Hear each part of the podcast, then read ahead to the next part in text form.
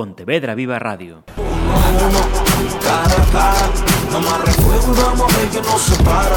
Hace unos días salió un anuncio eh, diciendo que iba a hacer un cara a cara de nuevo. Cara a cara, frente a frente otra vez. Buenas noches España, buenas noches Europa, buenas tardes América.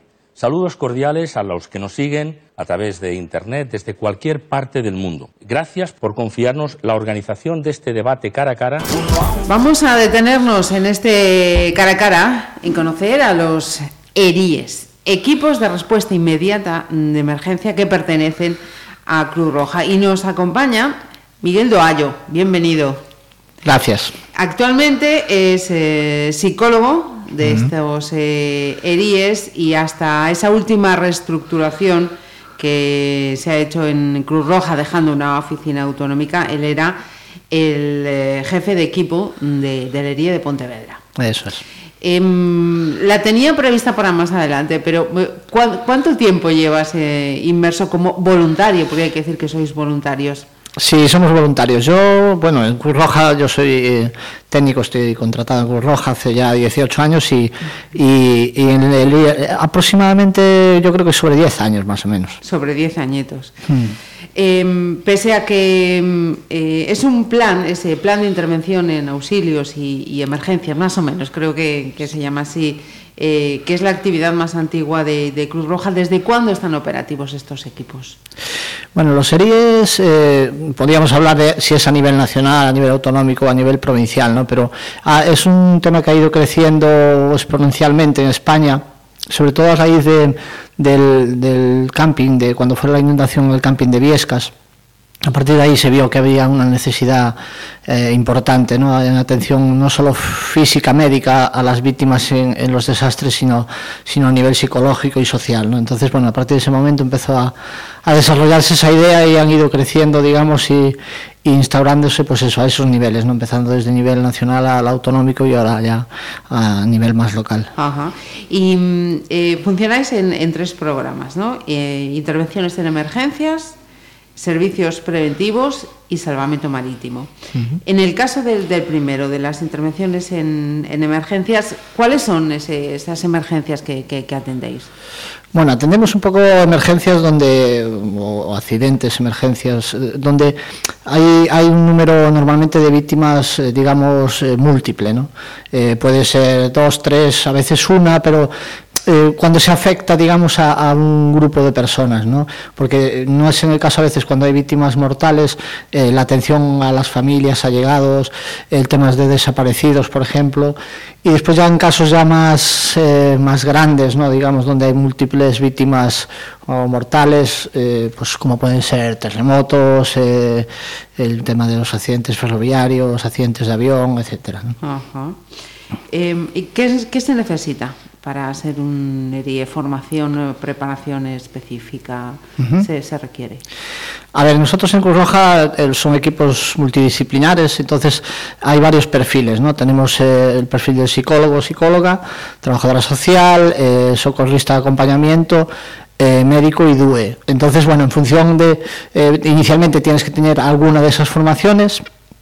Y después, de forma específica, Cruz Roja te aporta ya pues la, la formación propia del, del apoyo psicológico en emergencias. Ajá, o sea que tienes que responder a uno de esos perfiles eh, profesionales y luego a mayores, digamos que ya se os complementan Eso dentro de, de Cruz Roja.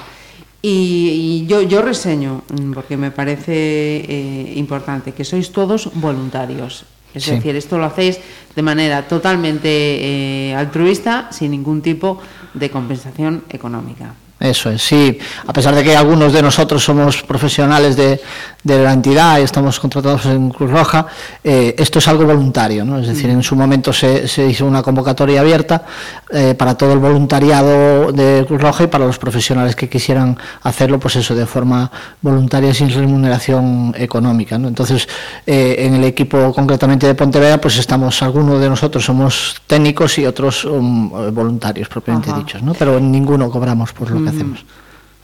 Eh, ninguno cobran por lo que hacen y se les eh, puede llamar ahora. Bueno, en vez de explicarle, le voy a plantear la pregunta a Miguel. ¿Cómo es ese eh, protocolo de actuación cuando se produce una, una emergencia, una tragedia y se os llama? Normalmente sí, eh, el, el, protocolo, digamos, oficial, sobre todo cuando son grandes catástrofes, eh, quien activa es el, es el 112, ¿no? 112 es quien coordina los planes de emergencia, así lo, lo dictamina, ¿no? Entonces el 112 es quien, quien nos suele activar. En casos más pequeños, más locales, en ocasiones es, es pues el concello o alguna, incluso algún particular, ¿no? Pues que, que solicita, pues eh, si es posible, apoyo psicológico a, algún familiar que está especialmente afectado, eh, digamos que puede ser, pero el protocolo, protocolo sería a través del 112. Eh, el protocolo, o sea, el protocolo, perdón, el 112 avisa y vosotros os, movéis en ese mismo momento donde sea necesario. Eso es, sí. En función de las necesidades se establece, pues digamos, un, hay un ratio de actuación, ¿no? Pues según el número de víctimas y un poco también las necesidades del caso, porque, por ejemplo, la figura del trabajador social o la trabajadora social en el caso de Lorca fue especialmente importante por el tema de las filiaciones, ¿no? La gente, de toda la gente desalojada, que hubo cientos, miles de personas desalojadas, es muy importante el tema de filiar a la gente, de saber dónde está cada persona, porque claro, hay un tema de, las familias que buscan allegados, entonces esa parte, el tema de conocer los recursos sociales, eh, locales, autonómicos, es muy importante. Entonces depende de, un poco de la intervención, pues eh, digamos que se moviliza a, pues eso, a, una serie, a un perfil o a otro, ¿no?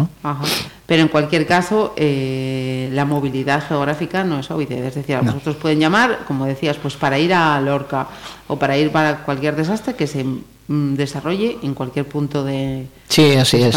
De hecho, ha habido, ha habido, pues eso, hemos estado en el, en el, en el terremoto de Lorca, ¿no? que es un ejemplo, desde Pontevedra nos desplazamos en su momento allí, pues porque se requirió nuestra presencia, porque claro, era una intervención eh, a largo plazo, medio largo plazo, con lo cual, pues bueno, los turnos, es importante también el tema de los, de los descansos de los intervinientes, eh, para manejar un poco el, el, estrés ¿no? que produce la intervención, y entonces pues se necesitaba mucha gente, ¿no? y, y fue una movilización a nivel nacional.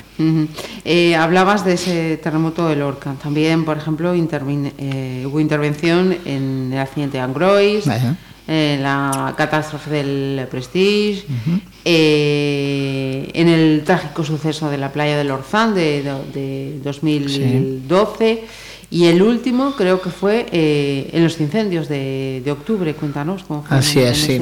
Nuestra intervención en los incendios de octubre fue para atender a las personas desalojadas por una zona que fue especialmente afectada, como sabéis, que es que fue la zona de Pontearea, Salvaterra y, y Asneve, sobre todo. ¿no? Entonces, eh, a las personas, a todas aquellas familias que hubo que desalojar por el peligro que suponía eh, pues la cercanía del fuego, se les eh, concentró en el, en el pabellón, univers pabellón de deportes de, de Ponteareas.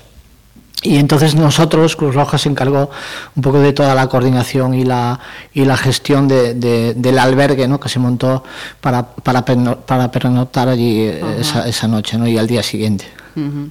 Em, ¿Cómo es eh, la, reacción, por ejemplo, en, en ese último caso, de, las personas cuando vosotros os acercáis eh, a ellos pues para, para ayudar en la medida de vuestras competencias?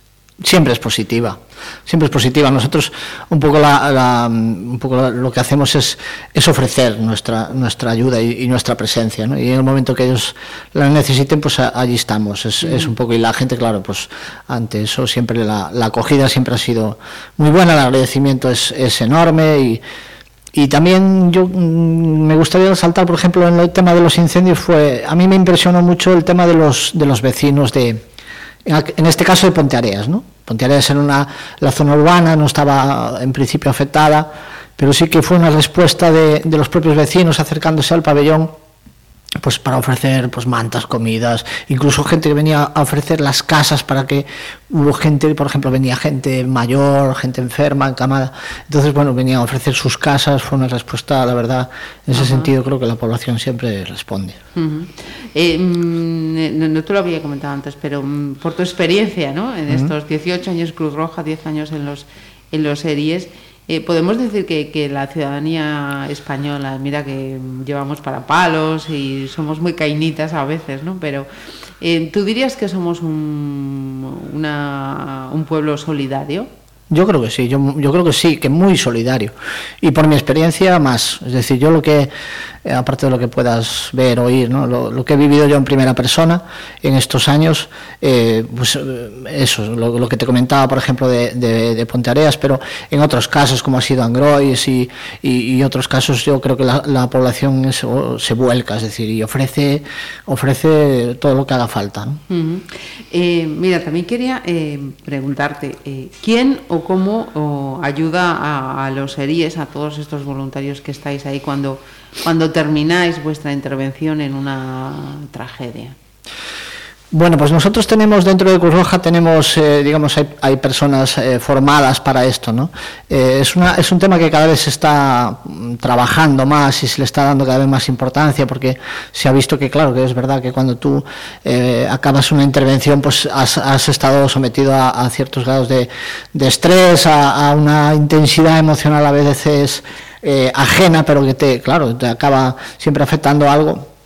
Entonces esas cosas es importante eh, trabajarlas a nivel psicológico para que no, pues eso, no, no produzcan daño. Entonces, eh, hay una técnica que se conoce con el nombre de debriefing, que son unas sesiones que se hacen inmediatamente después de la de la tragedia, bueno, inmediatamente en las próximas 24, en las primeras 24 horas, mm, a poder ser, y es una técnica grupal donde un poco, bueno, pues con la, con la guía un poco de uno o dos profesionales del tema que están formados, pues un poco lo que se intenta es que los intervinientes eh, hagan su propia ventilación emocional, hagan un relato de hechos, ordenen ideas, ¿vale? Porque a veces eh, en esas situaciones eh, hay personas que pueden llegar incluso a desorientarse temporalmente, ¿no? no saber si aquello fue antes, después. Entonces es importante organizar, digamos, todo eso en la cabeza, ¿no? Sí, sí, fíjate, estaba, cuando estabas contando eso, estaba pensando en, en los agentes de la Policía Nacional, ¿no? que, que, estuvieron también en esos incendios y que me, comentaban en un caso que, que, quizá fuera necesario eso, ¿no? Que, alguien les hiciera ese, ese briefing ¿no? para que no quedasen ahí bloqueados y en una próxima situación así saber, saber reaccionar, ¿no? No, no quedarse bloqueados en, Sí, sí, yo también es una demanda que a veces he escuchado ¿no? por, parte de lo que tú dices de fuerzas de seguridad. Entonces, yo creo que es un tema que de todas formas cada vez eso se está dando más importancia y cada vez hay más formación ¿no? en ese sentido. Por lo menos es importante que tenga una formación previa con respecto al apoyo psicológico, ¿no? para tener al menos ciertas ideas claras ¿no? de, qué cosas eh, se deben hacer y, y, sobre todo yo creo que es más importante qué cosas no se deben hacer. Ajá. Eh, que posiblemente en una situación tan caótica como aquella hubo, hubo momentos así, ¿no? que se hicieron cosas que no, que no se debían hacer. Mira, me decías además, Miguel, que, que aquí en Galicia eh, atendéis muchos eh, naufragios. Sí, es habitual, a ver, claro, por nuestra situación geográfica y nuestras condiciones, ¿no? El, mar, pues en Galicia sabemos que es un mar complicado y, es habitual, bastante habitual el tema de, de, los naufragios, pequeños naufragios, claro, no, no son eh, pequeños naufragios, pues desaparece una persona, dos, pero es un, sabéis que el tema del mar, ¿no? La, población, eh, los marineros, pues es una población, como digamos, un un grupo pues como muy unido ¿no? en ese sentido y cuando hay un, un tema de esto se, se, ve afectada muchísima gente ¿no? y entonces bueno pues es, es, bastante habitual que reclamen nuestra presencia en esos casos sí ¿Y, cuántas personas eh, estáis actualmente trabajando para atender todas estas eh, situaciones en Galicia y no sé si sabes también en Pontevedra? Sí, en Galicia aproximadamente 40 personas y estamos divididos en cuatro equipos de pues eso, aproximadamente 10 personas por, por provincias ahora mismo. Y me imagino que nunca son suficientes. Depende de los casos, sí. A ver, normalmente sí, porque date cuenta que somos 40. Entonces, si, si, hay algún problema en Coruña, pues eh, siempre nos desplazamos nosotros, Orense, Lugo, es decir, 40 eh, personas da para, da para atender a mucha gente. Y, y, bueno, sí que es verdad que hay momentos y hay situaciones en las que, como puede ser el caso del escalamiento de Agrois, que claro, ahí sí que necesitas ¿no? apoyo, pero al ser una organización tan grande como la nuestra, pues eso, claro, es una fortaleza, ¿no? Y, es, y nosotros tenemos eh, pues el apoyo siempre de, de, comunidades cercanas que pueden atendernos incluso eh, incluso si fuera necesario de, de otros países no pues si fuera eh, un, un, tema pues eso de una mega catástrofe pues habría la posibilidad de movilizar a gente de, de otros sitios uh -huh. Por, por, ejemplo, ¿no? Mega catástrofe. Estoy pensando en el 11M. En una situación sí. así, incluso podrían venir de. Sí, de hecho de se hizo, sí. Ajá. El 11M se, se eh, movilizó, no tanto medios humanos, pero sí algún tipo de medio técnico. Eh, pues eh, eso, Cruz Roja, eh, uno de sus principios es la universalidad, ¿no? Es decir, uh -huh. que somos una organización que está instalada en todo el mundo, somos bueno, la, la ONG ¿no? más grande del mundo, y es, eso, como te decía antes, siempre es una, una fortaleza para estos casos que mm, por suerte no son habituales. Uh -huh. Crucemos, crucemos los dedos. Sí. Y si hemos conseguido activar esa chispita en alguna persona que nos esté escuchando, que, ¿cómo puede hacer para sumarse a los ARIES?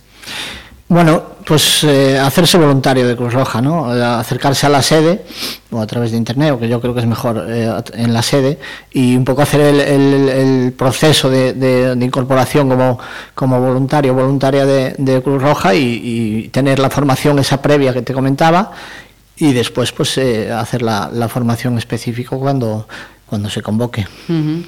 Pues eh, Miguel Doallo, mmm, agradecerte que hayas venido aquí en Pontevedra Viva y agradecerte también a ti y a todos los series ese trabajo voluntario que, que realizáis a disposición de, de, la sociedad. Muchas gracias. Esta noche tenemos cara a cara. Cara a cara, nos volvemos a ver. Pontevedra Viva Radio.